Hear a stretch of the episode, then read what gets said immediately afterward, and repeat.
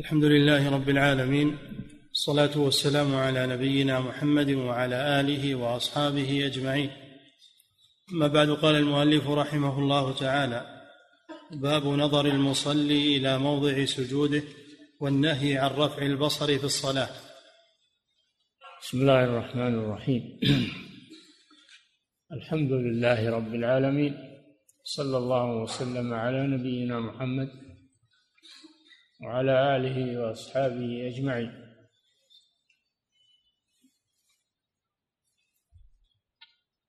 الواجب في الصلاة الخشوع. قال الله جل وعلا قد أفلح المؤمنون الذين هم في صلاتهم خاشعون. قال سبحانه وتعالى واستعينوا بالصبر والصلاة وإنها لكبيرة إلا على الخاشعين فالخشوع هو روح الصلاة. الصلاة التي لا خشوع فيها كالجسد الذي ليس فيه روح والخشوع هو السكون هو سكون القلب واجتماع الفكر والإقبال. على الصلاة. ولذلك ينهى عن كل ما يقلل الخشوع في الصلاة أو يتعارض مع الخشوع في الصلاة. لهذا ينهى عن الصلاة بحضرة طعام يشتهيه. ينهى عن الصلاة وهو يدافعه الأخبثان. البول والغائط ينهى أن يأتي إلى الصلاة يعدو ويركض بل يأتي بسكينة ووقار ليدخل فيها من من غير تشويش. ومما ينهى عنه أيضا تسريح النظر نظر المصلي في صلاته. لأن فكره يتبع ما يقع عليه بصره. لذلك سيأتي في الأحاديث أنه يقصر نظره في صلاته على ما جاءت به الأحاديث وأنه لا يرفع بصره إلى السماء. فهذا الباب فيه النهي عن شيئين. اولا تسريح نظر المصلي هنا وهناك أمامه أو عن يمينه أو عن شماله لأن هذا يشغله عن صلاته. المساله الثانية نهي أن يرفع بصره إلى السماء وهذا أشد لأن عليه الوعيد كما يأتي. نعم. باب نظر المصلي إلى موضع سجوده والنهي عن رفع البصر إلى في الصلاة. عن ابن سيرين أن النبي صلى الله عليه وسلم كان يقلب بصره في السماء فنزلت هذه الآية الذين هم في صلاتهم خاشعون. فطأطأ رأسه. رواه أحمد في كتاب الناسخ والمنسوخ وسعيد بن منصور في سننه بنحوه وزاد فيه وكانوا يستحبون للرجل ألا يجاوز بصره مصلاه وهو حديث مرسل. نعم هذا الحديث عن محمد بن سيرين. محمد بن سيرين من كبار التابعين يروي عن الرسول صلى الله عليه وسلم أنه كان في أول الأمر ينظر قلب بصره في السماء في أثناء الصلاة. كما قال الله جل وعلا قد نرى تقلب وجهك في السماء فلنولينك قبلة ترضاها. كان صلى الله عليه وسلم يصلي إلى بيت المقدس في أول الإسلام. ثم إنه أمر بالتوجه إلى الكعبة قبلة إبراهيم عليه السلام. إلى قبلة إبراهيم وهي الكعبة ما بيت المقدس فكان قبلة لبني إسرائيل. كان قبلة لبني إسرائيل. وأنبياء بني إسرائيل. وكان صلى الله عليه وسلم في أول الإسلام يستقبل بيت المقدس. ثم أمره الله أن يستقبل الكعبة. قبلة إبراهيم عليه السلام. فهذا الحديث مرسل لأنه من رواية التابعي وهو محمد بن سيرين عن الرسول صلى الله عليه وسلم. هذا هو المرسل. نعم. وعن ابن سيرين أن النبي صلى الله عليه وسلم كان يقلب بصره في السماء فنزلت هذه الآية الذين هم في صلاتهم خاشعون فطأطأ رأسه.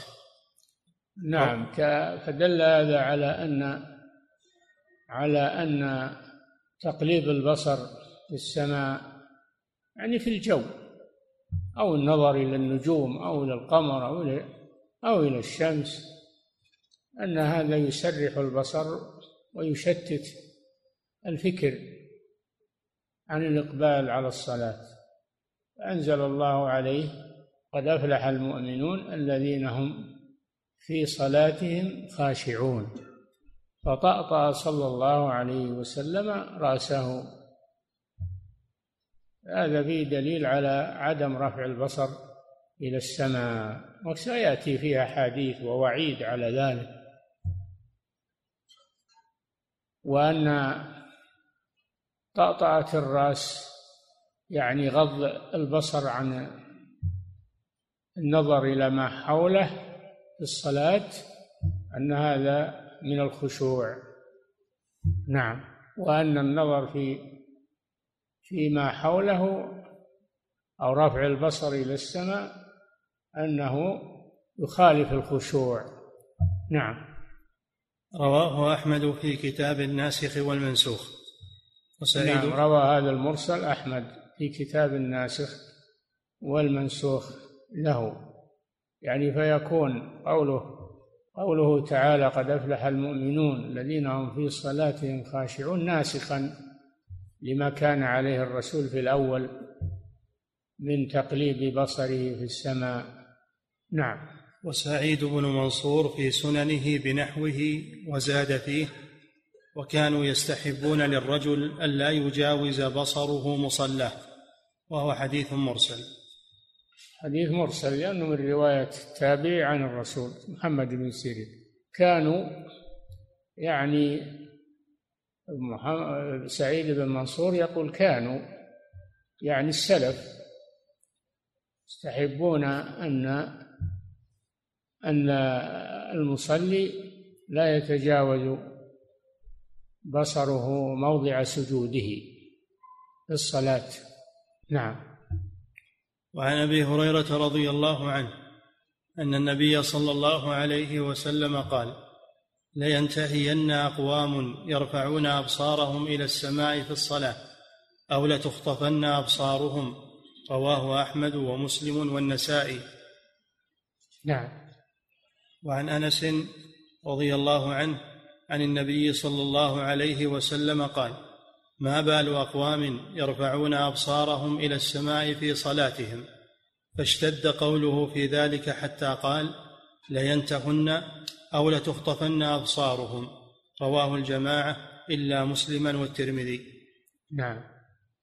وعن عبد الله بن الزبير قال كان رسول الله صلى الله عليه وسلم إذا جلس في التشهد وضع يده اليمنى على فخذه اليمنى ويده اليسرى على فخذه اليسرى وأشار بالسبابة ولم يجاوز بصره إشارته. رواه أحمد والنسائي وأبو داود. هذه الأحاديث تدل على أن أنه لا يجوز للمصلي أن يرفع بصره إلى السماء وإنما ينظر إلى مصلاه ينظر إلى مصلاه.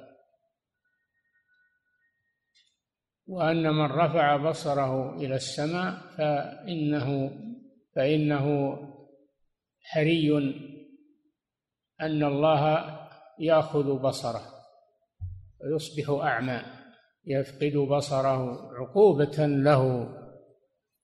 هذا دليل على منع رفع المصلي بصره إلى السماء في أثناء الصلاة لأن ذلك يشتت عليه فكره في الصلاة.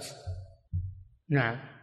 وفيه في حديث حديث عبد الله بن الزبير رضي الله عنهما أن النبي صلى الله عليه وسلم كان إذا جلس للتشهد الأول والأخير التشهد في الصلاة أنه يضع يده اليمنى على فخذه اليمنى ويضع يده اليسرى على فخذه اليسرى.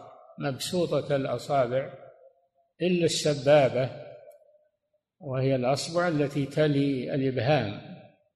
كان صلى الله عليه وسلم يرفعها إشارة إلى التوحيد إشارة إلى الوحدانية.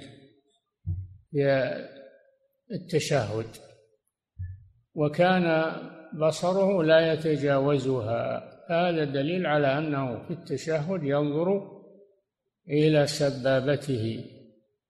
تسمى السبابة لأنه يشار فيها إلى السب وتسمى السباحة لأنه يشار فيها إلى التسبيح. نعم. باب ذكر الاستفتاح بين التكبير والقراءة. نعم. بعد تكبيرة الإحرام كان النبي صلى الله عليه وسلم يسكت هنيهة. يعني وقتا قصيرا. ويقول في أثناء سكوته دعاء الاستفتاح الذي سيأتي في الأحاديث. يستفتح به صلاته قبل القراءة وهو دعاء وثناء على الله سبحانه وتعالى. نعم. باب ذكر الاستفتاح بين التكبير والقراءة. بين تكبيرة الإحرام والقراءة يعني قراءة الفاتحة. نعم. عن أبي هريرة رضي الله عنه قال كان رسول الله صلى الله عليه وسلم إذا كبر في الصلاة سكت هنيئة قبل القراءة. نعم. فقلت يا رسول الله بأبي أنت وأمي أرأيت سكوتك بين التكبير والقراءة؟ ما تقول؟ قال أقول اللهم باعد بيني وبين خطاياي كما باعدت بين المشرق والمغرب. اللهم نقني من خطاياي كما ينقى الثوب الأبيض من الدنس. اللهم اغسلني من خطاياي بالثلج والماء والبرد. رواه الجماعة إلا الترمذي. نعم هذا أبو هريرة رضي الله عنه لاحظ أن النبي صلى الله عليه وسلم يسكت قليلا بين تكبيرة الإحرام وبين قراءة الفاتحة. فسأله ما يقول في هذه السكتة. يعني لا يجهر. ماذا يقول؟ هذا من حرص الصحابة رضي الله عنهم على تعلم أمور دينهم من الرسول صلى الله عليه وسلم. وكيف عرف أبو هريرة أن الرسول يقول شيئا في هذه السكتة قالوا كأنه ينظر إلى حركة لحيته كانوا ينظرون إلى اضطراب لحيته صلى الله عليه وسلم. عرفوا أنه يقول شيئا. و وقوله بأبي أنت وأمي يا رسول الله أي أفديك أفديك بأبي وأمي يا رسول الله. فأخبره النبي صلى الله عليه وسلم أنه كان يقول اللهم باعد بين بيني وبين خطاياي كما باعدت بين المشرق والمغرب مشرق الشمس والنجوم ومغربها. لا شك أن ما بين المشرق والمغرب مسافة بعيدة فهو طلب من ربه أن يبعده عن الذنوب والخطايا. بعدا طويلا. اللهم نقني من خطاياي كما ينقى الثوب الأبيض من الدنس. لماذا خص الثوب الأبيض؟ لأنه هو الذي يظهر عليه الدنس. أما الثوب الأسود وغيره فإنه لا يظهر عليه الدنس. أما الأسود أما الأبيض فيظهر عليه الدنس. نقني من خطاياي كما ينقى الثوب الأبيض من الدنس. يعني اغفرها لي. نقني يعني اغفرها لي. وأزلها أزل أثرها عني فدل على أن الخطايا تؤثر على المسلم. كما يؤثر الوسخ على الثوب الأبيض. ثم قال اللهم اغسلني ثلاث ثلاث أنواع من الأدعية. يؤكد بعضها بعضا. اللهم اغسلني من خطاياي بالماء والثلج والبرد. الماء معروف والثلج هو الماء المتجمد والبرد هو حب الغمام. حب الغمام الذي ينزل على الأرض. أما يكفي أن يقول اغسلني من خطاياي بالماء؟ لا. هذا جمع بين أنواع المطهرات. أنواع المطهرات. فالماء أولا ثم الثلج ثم البرد. لا شك أنها إذا توالت على محل الوسخ أنه يزول. فهذا فيه تأكيد الدعاء بالإستغفار بالمغفرة. وإزالة الذنوب عن العبد بأنواع المطهرات كما هذا تشبيه كما يغسل الماء كما يغسل الثوب بالماء والثلج والبرد. هذا من باب التشبيه. نعم. هذا نوع من أنواع الاستفتاح. الاستفتاح جاءت به أحاديث متعددة وهو أنواع بأيها استفتح فكان حسنا بأي هذه الأنواع الواردة استفتح كان حسنا. وقد مرت بكم في شرح العمدة شيخ الإسلام ابن تيمية رحمه الله. نعم.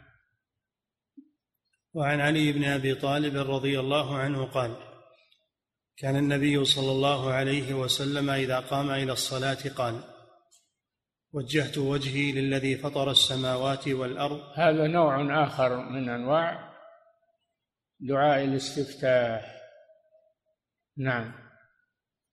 وعن علي بن أبي طالب رضي الله عنه قال كان النبي صلى الله عليه وسلم إذا قام إلى الصلاة قال وجهت وجهي للذي فطر السماوات والأرض حنيفا ومسلما وما أنا من المشركين.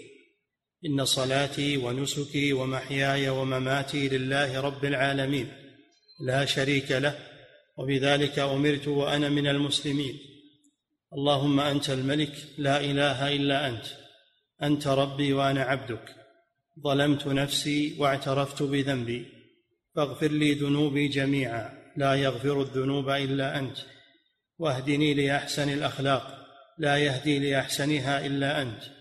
واصرف عني سيئها لا يصرف عني سيئها إلا أنت. لبيك وسعديك والخير كله في يديك والشر ليس إليك أنا بك وإليك تباركت وتعاليت أستغفرك وأتوب إليك. هذا حديث علي رضي الله عنه. فيه نوع آخر من أنواع الاستفتاح وهو أن النبي صلى الله عليه وسلم كان إذا كبر تكبيرة الإحرام يقول وجهت وجهي للذي فطر السماوات والأرض. ما المراد بوجهه؟ المراد بوجهه قصده ونيته. قصده ونيته. أي وجهت توجهت بقصدي ونيتي إلى الله سبحانه وتعالى. وقيل المراد بالوجه وجه الإنسان لأنه يتوجه إلى الله بوجهه ويستقبل القبلة الذي فطر السماوات والأرض يعني خلقها على غير مثال سابق.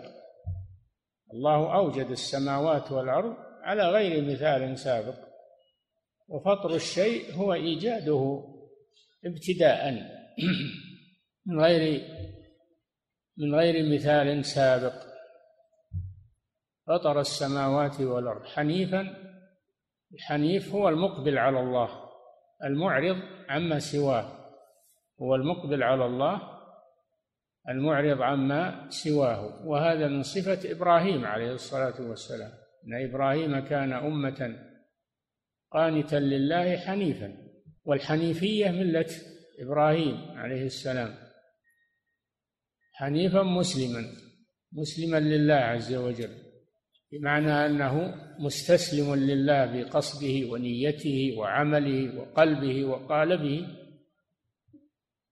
معرضا عما سواه سبحانه وتعالى.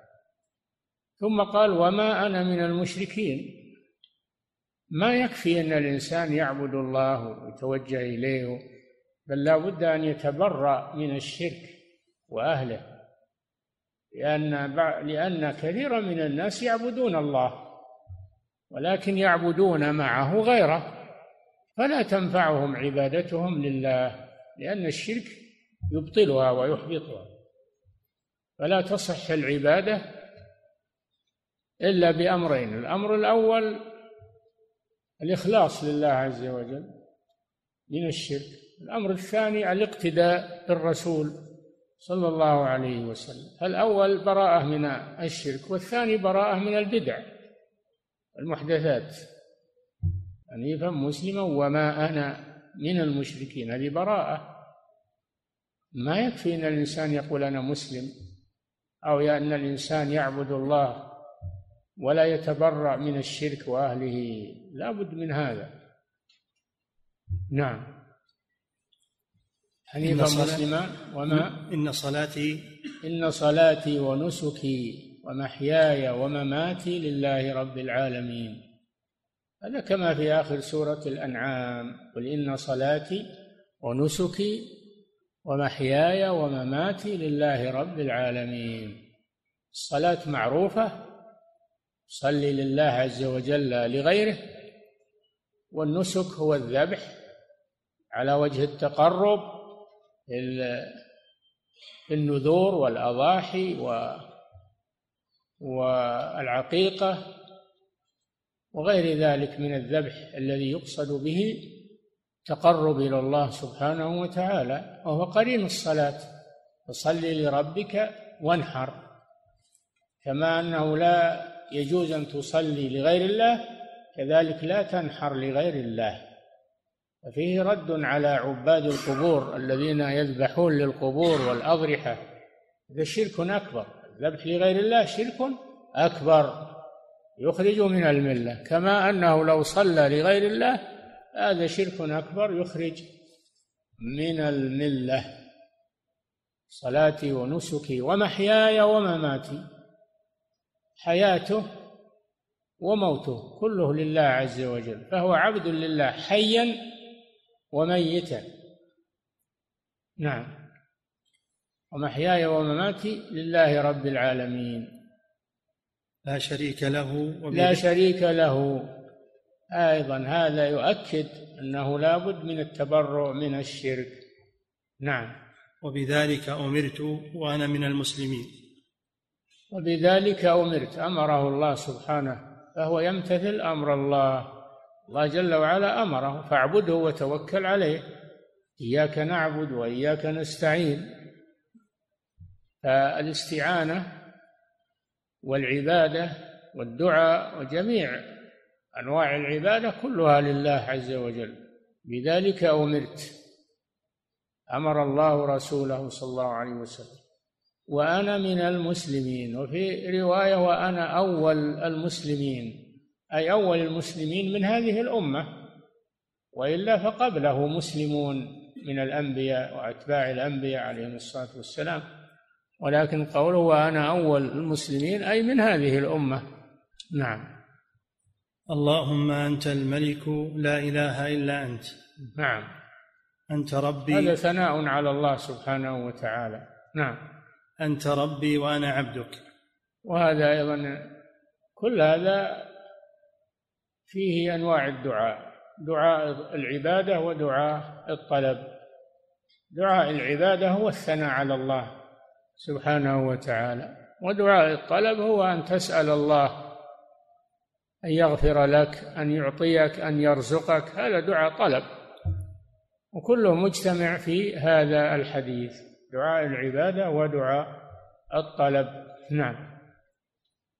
ظلمت نفسي واعترفت بذنبي فاغفر لي ذنوبي جميعا. لا يغفر الذنوب إلا أنت.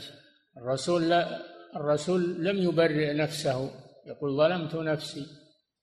الظلم ثلاثة أنواع. الظلم أصلا هو وضع الشيء في غير موضعه. هذا هو الظلم. وهو ثلاثة أنواع. النوع الأول ظلم الشرك. ظلم الشرك. إن الشرك لظلم عظيم لأنه وضع للعبادة بغير موضعها. لذلك يسمى ظلما. وهو أعظم أنواع الظلم وهو لا يغفره الله إلا بالتوبة.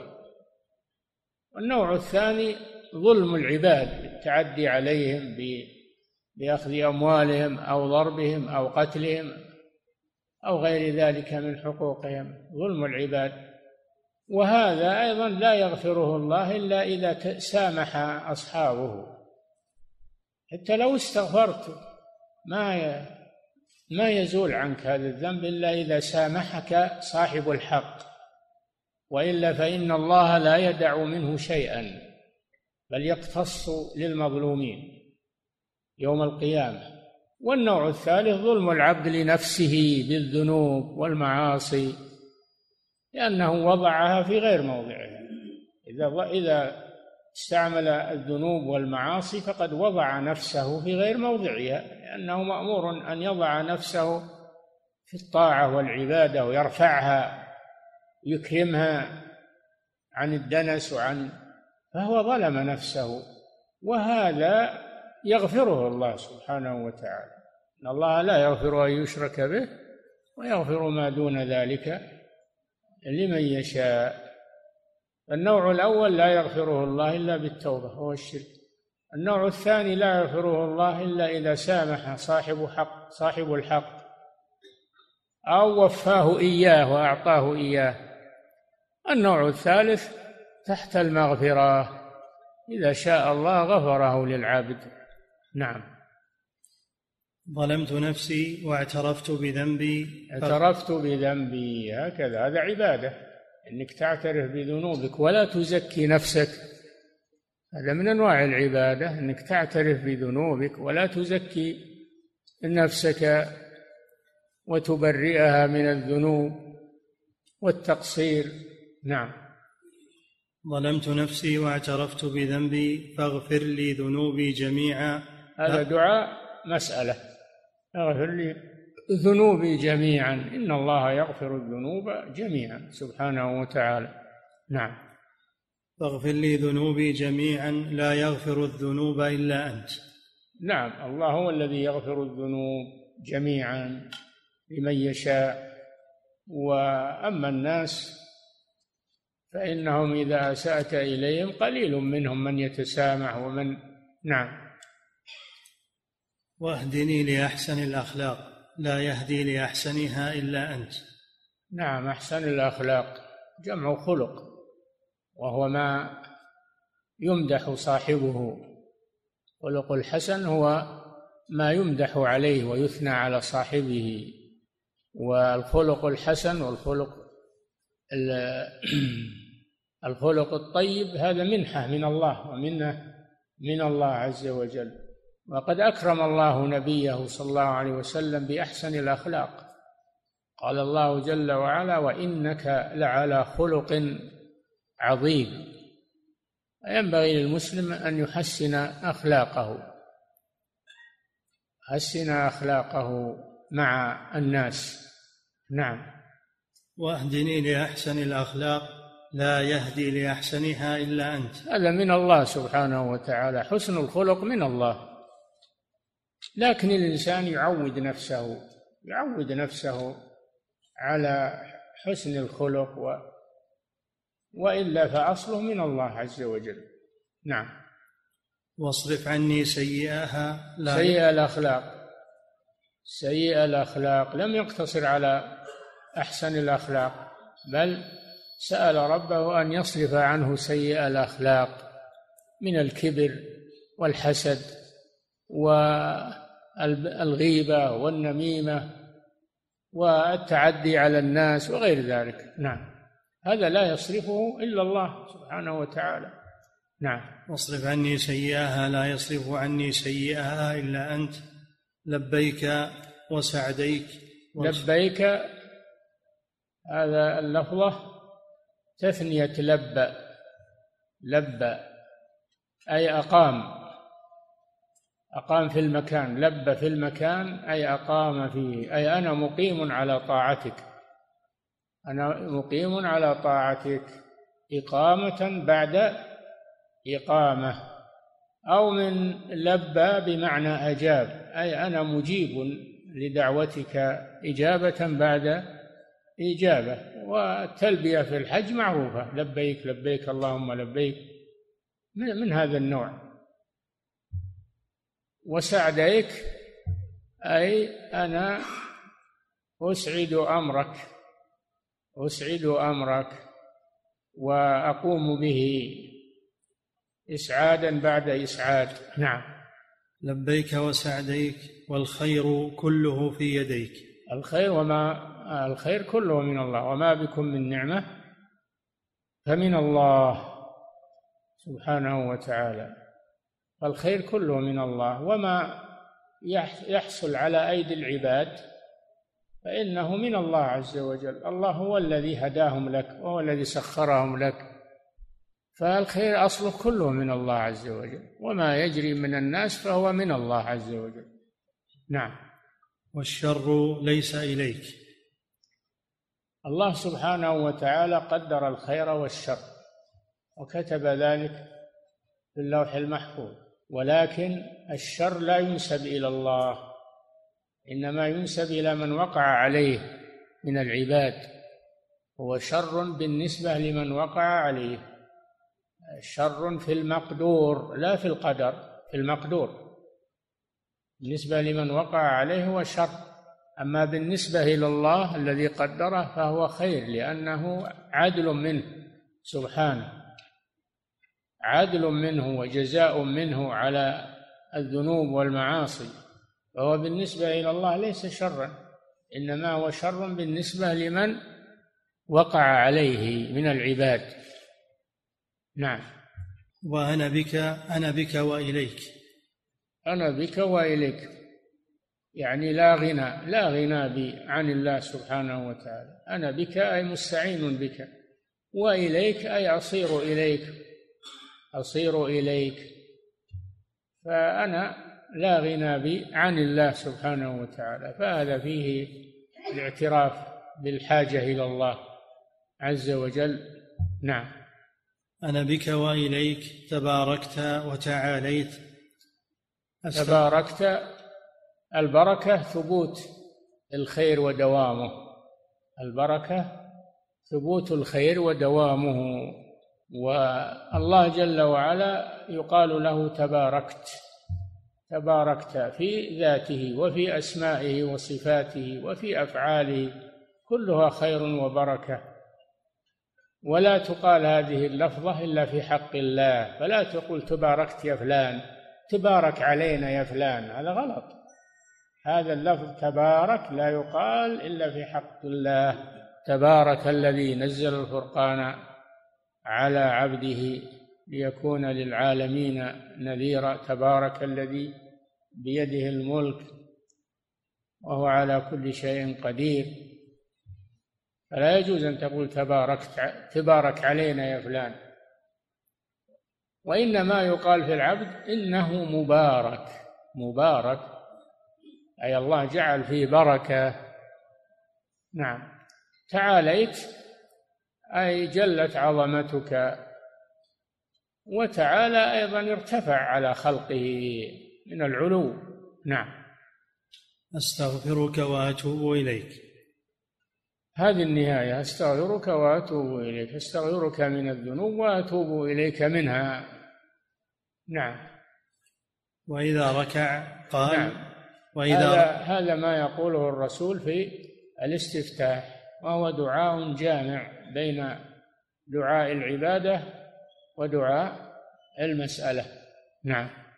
وإذا ركع قال اللهم لك ركعت وبك آمنت ولك, ولك أسلمت. خشع لك سمعي وبصري ومخي وعظمي وعظمي وعصبي. نعم هذا في الركوع. الركوع يقول اللهم لك ركعت لله عز وجل. يعني انحنى انحنى تعظيما لله انحنى تعظيما لله ولهذا لا يجوز الركوع لأحد ولا يجوز الانحناء لمخلوق لأنه عبادة. الانحناء عبادة على وجه التعظيم عبادة لا يجوز إلا لله سبحانه وتعالى.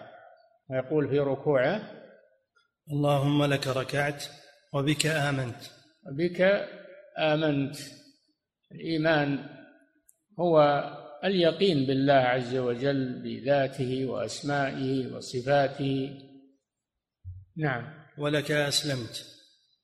أسلمت استسلمت لأمرك وطاعتك. نعم. خشع لك سمعي وبصري. الخشوع عرفناه هو السكون هو السكون والخضوع لله عز وجل. خضع له كل جسمه بأعصابه وعظامه ولحمه. ودمه كله خضع لله عز وجل. نعم. خشع لك سمعي وبصري ومخي وعظمي وعصبي. نعم سمعه وبصره وعظمه وعصبه ومخه كله لله عز وجل. خضوع كامل من العبد. لم يبق منه شيء إلا وهو خاضع لله عز وجل في هذا الركوع. فهذا فيه أن الركوع عبادة عظيمة ولا يجوز أن يركع لغير الله عز وجل. نعم. وإذا رفع رأسه قال اللهم ربنا لك الحمد ملء السماوات وملء الأرض وملء ما بينهما وملء ما شئت من شيء بعد. نعم إذا رفع رأسه من الركوع واعتدل واقفا فإنه يقول اللهم ربنا ولك الحمد ملء السماء وملء الأرض أي حمدا يملأ السماء على سعتها ويملأ الأرض. ويملأ ما شئت من شيء لا أعلمه وانما تعلمه من مخلوقاتك. فهذا فيه الثناء على الله سبحانه وتعالى وهذا واجب من واجبات الصلاة. الذي يقال بعد الاعتدال هذا واجب من واجبات الصلاة. نعم. وإذا سجد قال اللهم لك سجدت وبك آمنت ولك أسلمت. سجد وجهي للذي خلقه وصوره. هذا زيادة على قول سبحان ربي العظيم في الركوع وسبحان ربي الأعلى في السجود لأن التسبيح في الركوع والسجود واجب من واجبات الصلاة. أما الدعاء في الركوع والسجود فهو مستحب وليس واجبا. نعم. وإذا سجد قال اللهم لك سجدت وبك آمنت لك سجدت لا لغيرك. لا يجوز السجود إلا لله عز وجل وهو وضع الجبهة على الأرض عبادة لله وذلا بين يدي الله عز وجل. فلا يجوز أن تسجد لمخلوق أن تسجد لمخلوق. سجود العبادة. أما سجود التحية هذا كان موجود في الشرائع السابقة سجود تحية ومنه سجود الملائكة لآدم. هذا ما هو سجود عبادة هذا سجود تحية وسجود آه، سجود يعقوب وبنوه ليوسف عليه السلام ورفع أبويه على العرش خروا له سجدا هذه سجود تحية هي سجود عبادة.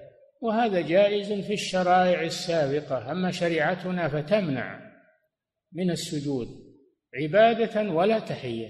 قال صلى الله عليه وسلم لو كنت آمرا أحدا أن يسجد لأحد لأمرت الزوجة أن تسجد لزوجها. لما أراد معاذ رضي الله عنه أن يسجد للرسول صلى الله عليه وسلم منعه من ذلك. وقال لو كنت آمرا أحدا أن يسجد لأحد لأمرت الزوجة أن تسجد لزوجها من عظم حقه عليها.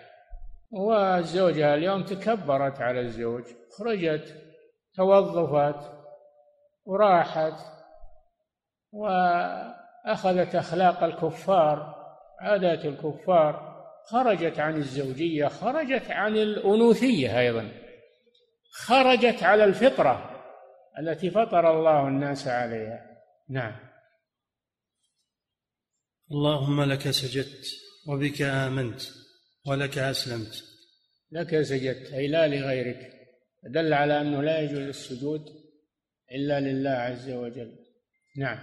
وبك آمنت ولك أسلمت. نعم. سجد وجهي للذي خلقه وصوره.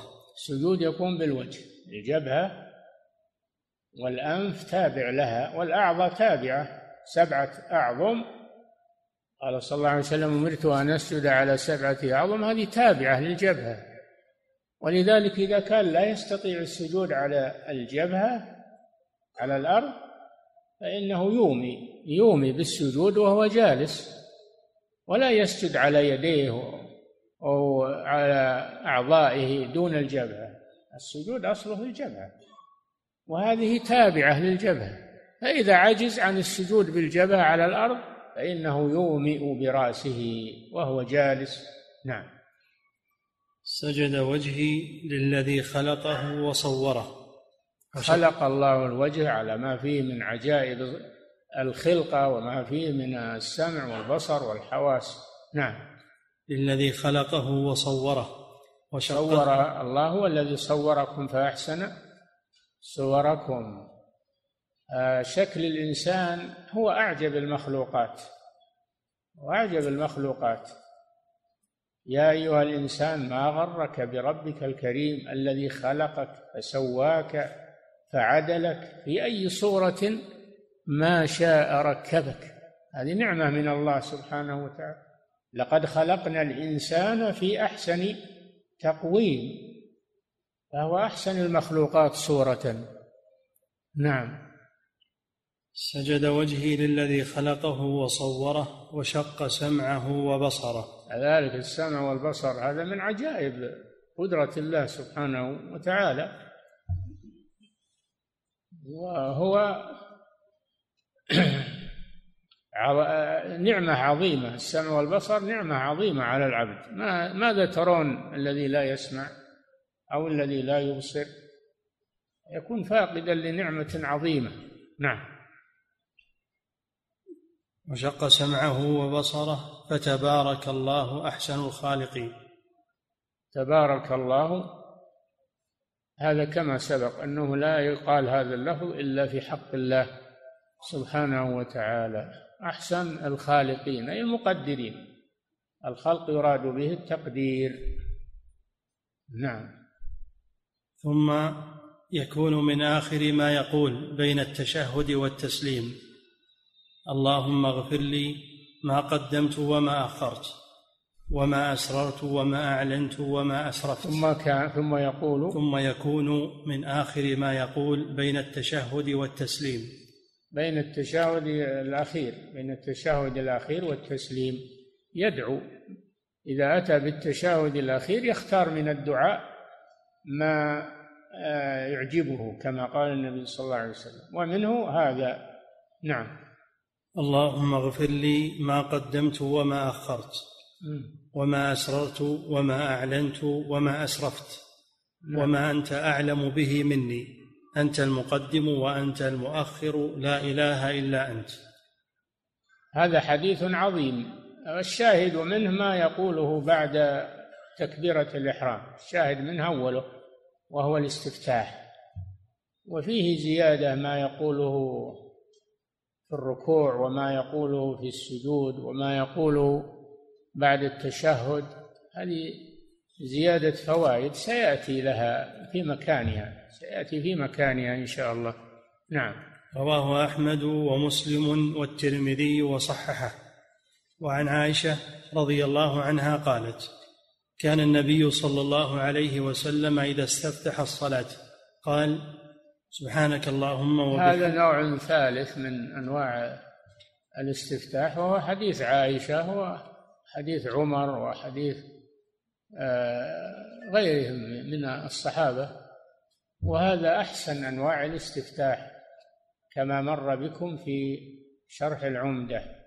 هذا أحسن أنواع الاستفتاح. نعم.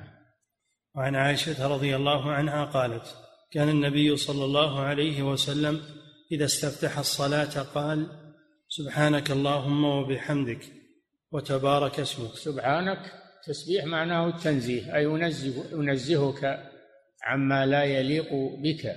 نعم. وبحمدك أي سبحتك بحمدك. سبحتك بحمدك. فلولا توفيق الله لك ما سبحت الله عز وجل. فأنت تحمد الله على أن وفقك لتسبيحه. نعم. وتبارك اسمك. تبارك اسمك. اسم الله جل وعلا. كل أسماء الله مباركة. كل أسماء الله مباركة. إذا ذكرت تبارك اسم ربك ذي الجلال والإكرام. اسم ربك عام لكل الأسماء.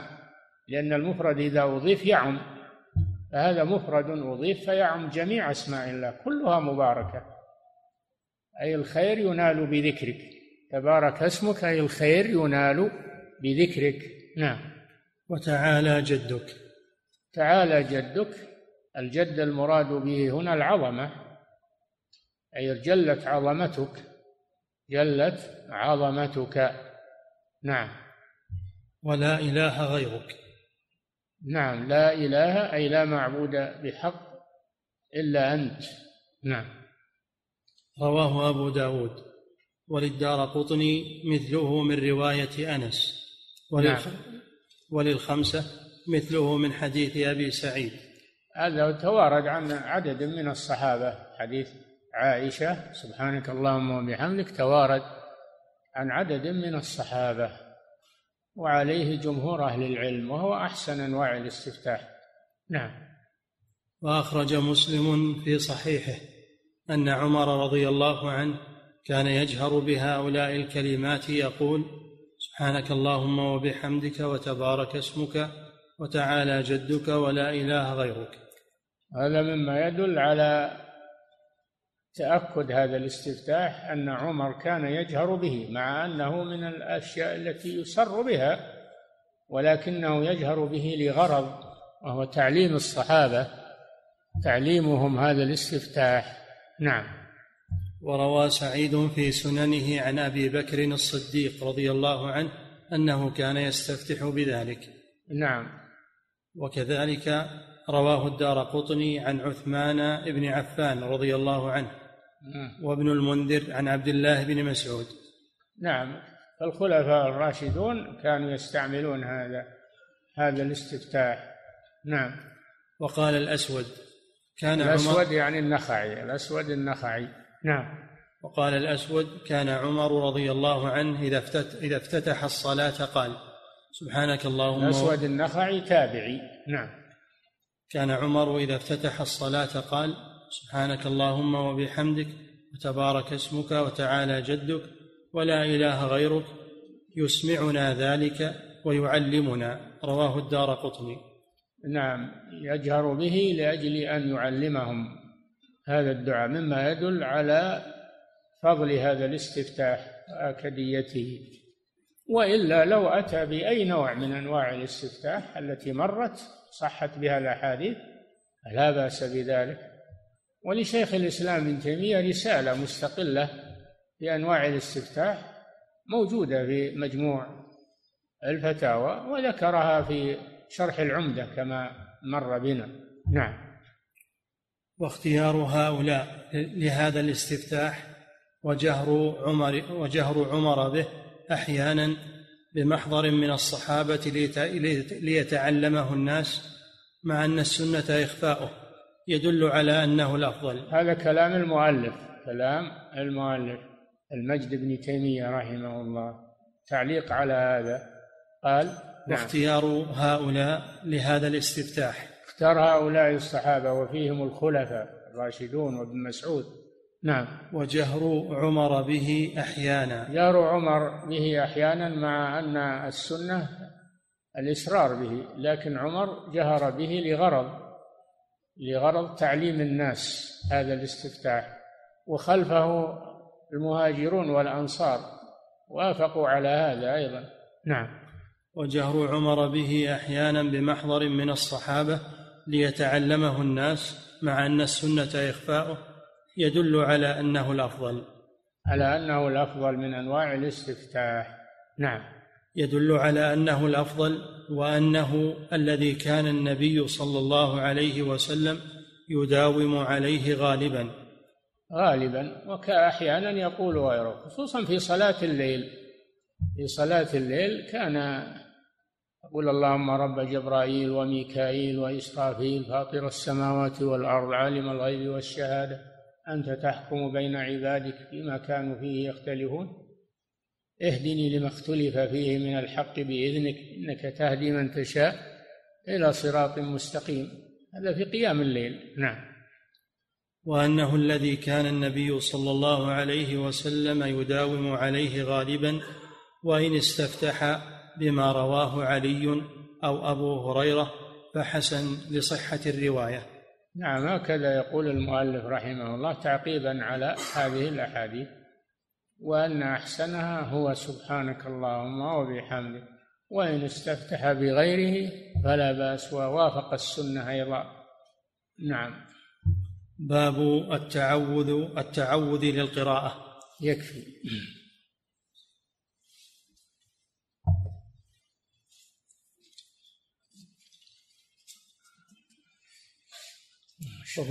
فضيلة الشيخ وفقكم الله. يقول ذكر بعض الفقهاء رحمهم الله أنه يستحب إذا كان أمام الكعبة أن ينظر إليها في صلاته ولا ينظر إلى محل سجوده.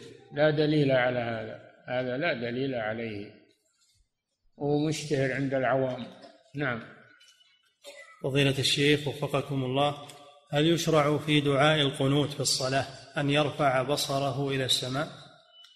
لا ولا في القنوت ما يرفع بصره في الصلاة لا في القنوت ولا في غيره. نعم. فضيلة الشيخ وفقكم الله يقول هذا وعيد إنه إن الله يخطف بصره ويعمى هذا ما يجوز. نعم. لكن الجاهل لا يؤاخذ الله الجاهل. أما من كان عارفا وعالما إنه ما يجوز فعليه خطر. نعم. فضيلة الشيخ وفقكم الله. يقول هل الوعيد الذي ذكر في الحديث يدل على أن هذا العمل من الكبائر؟ اللي هو رفع البصر إلى السماء. ما هو بلزوم لا ما يدل على أنه من الكبائر لكن يدل على تحريمه. نعم. فضيلة الشيخ وفقكم الله يقول السائل وإن كان ابن حزم رحمه الله يقول يبطل الصلاة. يقول يبطل الصلاة. لكن الجمهور يقولون لا ما تبطل الصلاة لكنه حرام. أو بعضهم يقول مكروه. نعم. فضيلة الشيخ وفقكم الله يقول لأزداد خشوعا أغمض عيني أثناء الصلاة. فهل فعلي صحيح؟ لا تغمض عينيك إلا إذا كان أمامك شيء يشغلك عن الصلاة. أما إذا لم يكن أمامك ما يشغلك عن الصلاة فلا. لأن هذه صفة اليهود هم الذين يغمضون أعينهم في العبادة في الصلاة في صلاتهم. نعم. فضيلة الشيخ وفقكم الله يقول في الحديث الذي جاء عن ابن سيرين ذكر أن النبي صلى الله عليه وسلم طأطأ رأسه وقد ورد أن عمر بن الخطاب رضي الله عنه عندما رأى رجلا قد طأطأ رأسه في الصلاة نهاه عن ذلك. طأطأة غير الطأطأة الطأطأة اللي, اللي يجعل رأسه على قريب من الركوع. ناس يخضعون حتى يكون قريب من الركوع هذا ما يجوز. أما الطأطأة اليسيرة فلا بأس. نعم. فضيلة الشيخ وفقكم الله. يقول هل يقال بأن النظر إلى موضع السجود من الواجبات أو هو من المستحبات؟ مستحب. هو مستحب نعم. فضيلة الشيخ وفقكم الله. يقول متى يشرع للمسبوق في الصلاة أن يدعو بدعاء الاستفتاح؟ أول ما يدخل في الصلاة. أول ما يدخل في الصلاة هو أول صلاته فيستفتح. ولو كان في الركعة الأخيرة. نعم. وما يقضيه هو أولها. نعم. فضيلة الشيخ وفقكم الله. في دعاء الاستفتاح إن صلاتي ونسكي ومحياي ومماتي لله رب العالمين. يقول كيف يكون الممات لله رب العالمين؟ مصير إلى الله. وين تروح إلى مت ها؟ تروح تذهب إلى الله إلى الله المصير. وأن مردنا إلى الله. نعم فأنت عبد لله حيا وميتا. ومصيرك إلى الله. نعم. فضيلة الشيخ وفقكم الله يقول هل كل حديث مرسل يعد ضعيفا؟ هذه مسألة يقولون إن المراسيل أحسنها مراسيل سعيد بن المسيب أحسن المراسيل. ولا شك أن الإرسال أنها علة في الحديث من علل الحديث الإرسال. نعم. لكن المراسيل تختلف. نعم. فضيلة الشيخ وفقكم الله يقول في الحديث الوارد عن أبي هريرة رضي الله عنه في الحديث الوارد عن أبي هريرة رضي الله عنه والذي ذكر فيه دعاء الاستفتاح هل فيه دليل على أن هذا إنما وقع في صلاة الفريضة فيكون العمل به في الفريضة أولى من غيره من الأدعية؟ كون عمر رضي الله عنه وعمر وكون أبي بكر وعمر وعثمان رضي الله عنهم يستعملونها في الفريضة هذا دليل على أنه هو الأفضل في الفريضة. نعم. فضيلة الشيخ وفقكم الله. يقول السائل ما حكم وضع الملصقات التي تحوي على هذه العبارات وهي بسم الله أو تبارك الله أو ما شاء الله على السيارة والأبواب والأماكن العامة. هذه ظاهرة ظهرت الآن تعليق الأذكار والآيات على الطرقات وعلى بعض العلماء يستحسنها يقول لأنها تذكر آه، بالله عز وجل وتنبه الشيخ ابن باز رحمه الله يستحسن هذا ولكن الواقع أن هذا لم يعمله السلف. هذا عمل لا يعمل لم يعمله السلف. وأيضا ربما يعلق أشياء بدعية وأشياء هذا فتح للباب فتح للباب. وناحية ثالثة وهو أنه يعرضه للإهانة يعرض هذا المعلق للإهانة. نعم. فضيلة الشيخ وفقكم الله يقول هل يجوز تسمية محل تجاري بتبارك؟ هل يجوز تسمية محل تجاري بتبارك؟ لا هذا لله عز وجل. ما يقال تبارك إلا في حق الله عز وجل. نعم. فضيلة الشيخ وفقكم الله يقول هل يجوز الاقتصار في الركوع والسجود على ما جاء وما ورد في حديث علي رضي الله عنه من غير تسبيح؟ لا بد من التسبيح. التسبيح واجب من واجبات الصلاة. لا يجوز الاقتصار على الدعاء فقط. فضيلة الشيخ وفقكم الله ما معنى ما ورد في الحديث من قوله وما أخرت؟ وقول الله عز وجل ما قدمت وأخرت. من الأعمال. قدم من الأعمال وما أخره. يعني في أول حياته وفي آخر حياته. نعم.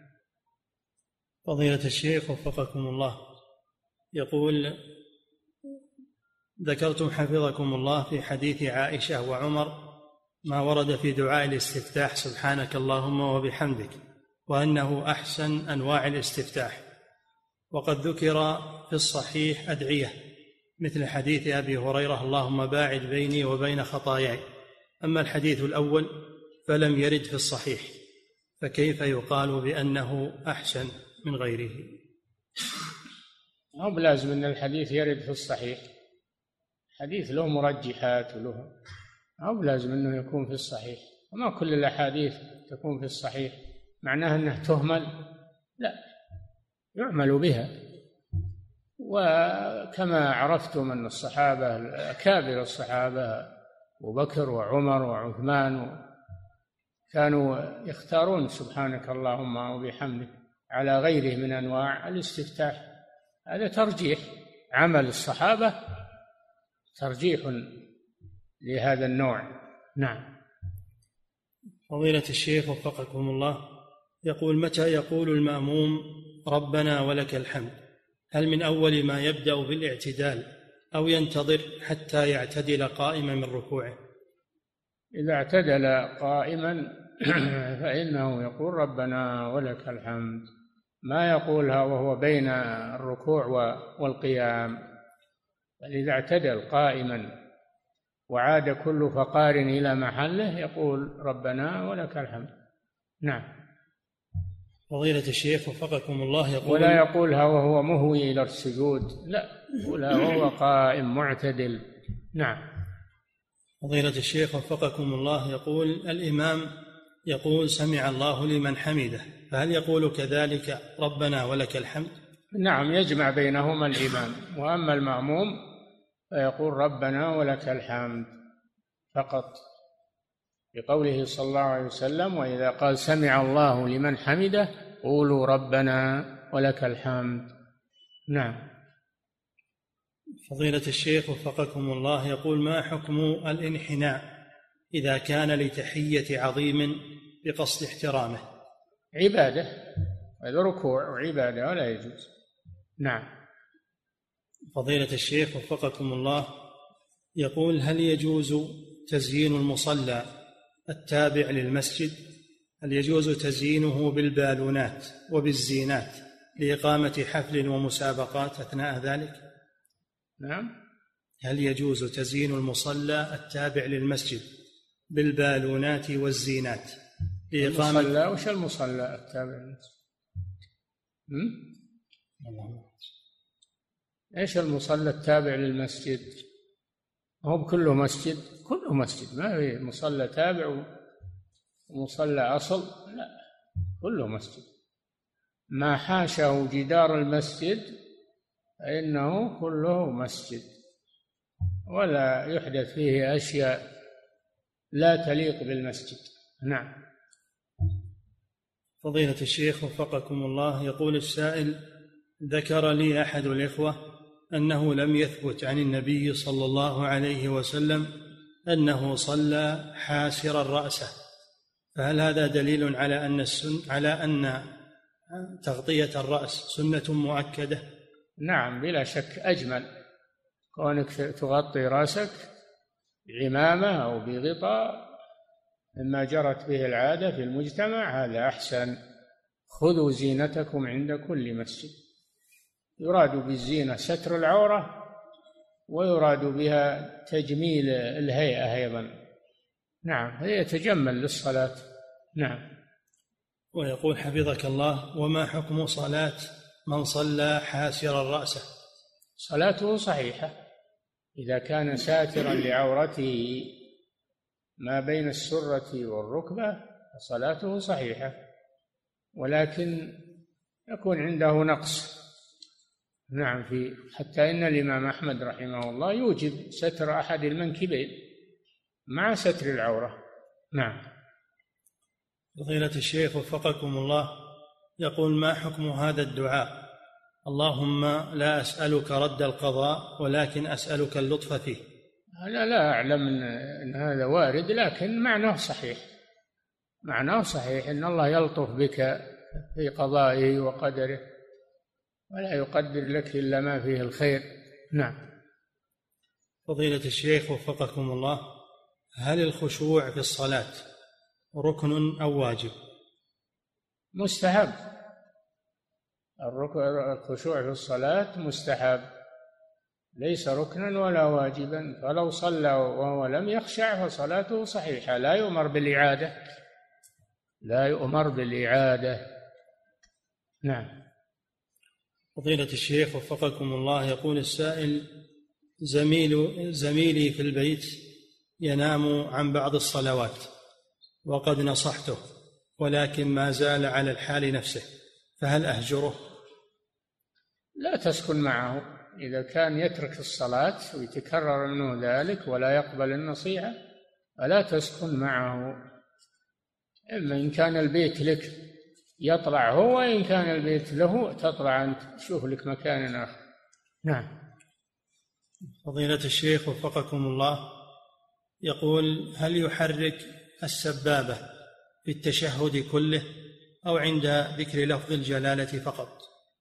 الأمر في هذا واسع. من حركها أو لم يحركها الأمر في هذا واسع. المهم أنه يرفعها إشارة إلى التوحيد. نعم. فضيلة الشيخ وفقكم الله يقول السائل في هذه السنة كتب عدد من الكتاب في الصحف يشككون في ثبوت صيام الست من شوال. فما توجيهكم في ذلك؟ وفقكم الله. الحديث في صحيح مسلم. الحديث ثابت في هذا.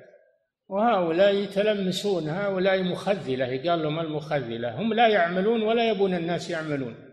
يريدون منع الناس وينتقدون الناس فقط. هذه همهم همهم الانتقاد فقط. فلا يلتفت إليهم. نعم.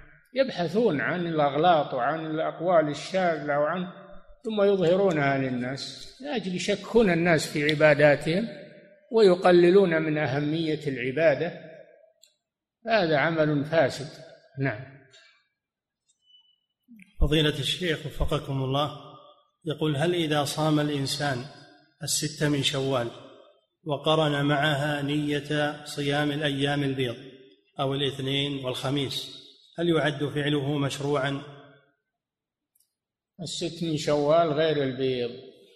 إذا صام الست من شوال ينويها الست. إذا صام أيام البيض ينويها أيام البيض ولا يخلط بين هذا وهذا. نعم. فضيلة الشيخ وفقكم الله يقول ما القول في من ينتسب إلى غير أبيه؟ كأن ينتسب إلى اسم شخص آخر لداعي الإثبات لدى السلطات لدى السلطات. ومن انتسب إليه هو من نفس العائلة. نسأل الله العافية. لا يجوز الانتساب إلى غير الأب هذا عليه. وعيد شديد. لا لأجل طمع ولا لأجل أي غرض من الأغراض. لا يجوز الانتساب إلا إلى الأب. ادعوهم لآبائهم. أقسط عند الله. فإن لم تعلموا آباءهم فإخوانكم في الدين. أما اللي يعلم أبوه ينسب إلى غيره هذه كبيرة من كبائر الذنوب. نعم. فضيلة الشيخ وفقكم الله يقول شخص فاتته الركعة الأولى من صلاة العشاء مع الإمام وهو أصلا يصلي معهم المغرب بالنسبة له فماذا يفعل هل يسلم مع الإمام نعم شخص فاتته الركعة الأولى من صلاة العشاء مع الإمام وهو أصلا يصلي معهم المغرب بالنسبة له فماذا يفعل؟ هل يسلم مع الإمام؟ نعم هو صلى ثلاث ركعات. ناوينا المغرب صليها خلف العشاء وصلى ثلاث ركعات. إيش تبيه يزود رابعة بعد. خلاص المغرب ثلاث ركعات. نعم. فضيلة الشيخ وفقكم الله يقول السائل أنا أعمل في مطار الملك خالد بالرياض وسكني في الخرج والمسافة تقريبا بين المطار والخرج 130 كيلو. هل يجوز لي أن أقصر الصلاة؟ علما بأن البنيان متصل من المطار إلى الخرج لا.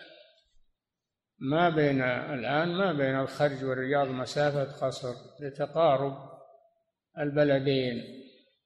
ما بين المسافة قصر. فأنت تسير كأنك في بلد واحد. نعم. فضيلة الشيخ وفقكم الله يقول السائل إن زوجته صامت بعد رمضان ما عليها من القضاء بدون إذنه. فهل يجوز يقول هل يجوز له أن يجامعها وتقضي فيما بعد؟ لا يجوز الصوم الواجب لا يجوز له أن يمنعها منه. الصوم الواجب ما يجوز له يمنعها من قضاء رمضان نذر كفارة ما يجوز يمنعها من الواجب. أما المستحب نعم له أن يمنعها من الصوم. المستحب نعم. فضيلة الشيخ وفقكم الله يقول السائل يوجد مصاحف في بعض في عبارة الفقهاء يقول ومن دخل في فرض موسع حرم قطعه إذا دخل فيه حرم قطعه. نعم. فضيلة الشيخ وفقكم الله يقول السائل يوجد مصاحف في بعض المساجد يمر عليها أشهر وهي في مكانها لم يقرأ بها أحد. سؤاله هل يجوز لي أن آخذ مصحفا منها وأضع محله آخر حيث إن هذا المصحف الذي سآخذه من المسجد يرتاح له نظري أثناء القراءة ولا يوجد مثله في السوق. لا يجوز هذا لأن هذا وقف على محل معين على مسجد معين ولا يجوز إخراجه منه. والمكتبات ولله الحمد مملوءة بالمصاحف بجميع أحجامها فاذهب إلى المكتبة واشتر المصحف اللائق بك أو اطلب من الذين يوزعون المصاحف اطلب منهم أن يعطوك مصحفا أو أكثر. نعم. فضيلة الشيخ وفقكم الله يقول هل يجوز حضور جنازة لشخص قد توفي وهو لا يصلي؟ إذا علمت أنه لا يصلي يترك الصلاة متعمدا فلا تصلي عليه ابتعد عنه. نعم.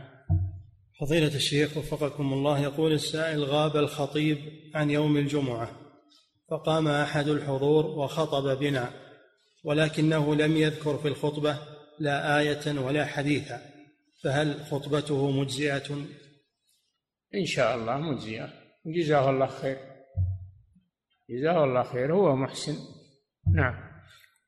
فضيلة الشيخ وفقكم الله يقول السائل أخرجت أخرجت زكاة الفطر ليلة التاسع والعشرين من رمضان فهل تكون مجزئة؟ نعم يجوز تقديم الفطرة صدقة الفطر يجوز تقديمها بيوم أو يومين قبل العيد لا بأس. نعم. فضيلة الشيخ وفقكم الله يقول السائل أذن المؤذن لصلاة المغرب في رمضان وكان قد تقدم في الأذان خمس دقائق. فأفطر. أذن أذن. أذن المؤذن لصلاة المغرب في رمضان وكان قد تقدم بالأذان خمس دقائق. فأفطرنا لسماع أذانه ثم توقف فتوقفنا عن الأكل. فما حكم صيامنا لذلك اليوم؟ خلف الله صوموا بدال يوم. إنكم أفطرتم قبل تمام اليوم. نعم. فضيلة الشيخ وفقكم الله يقول بعض الناس يقوم بت يقوم بإذابة الملح بالماء ويغسل به المنزل لأجل طرد الشياطين. هذا لا يجوز هذه عادة سيئة فلا يجوز هذا العمل.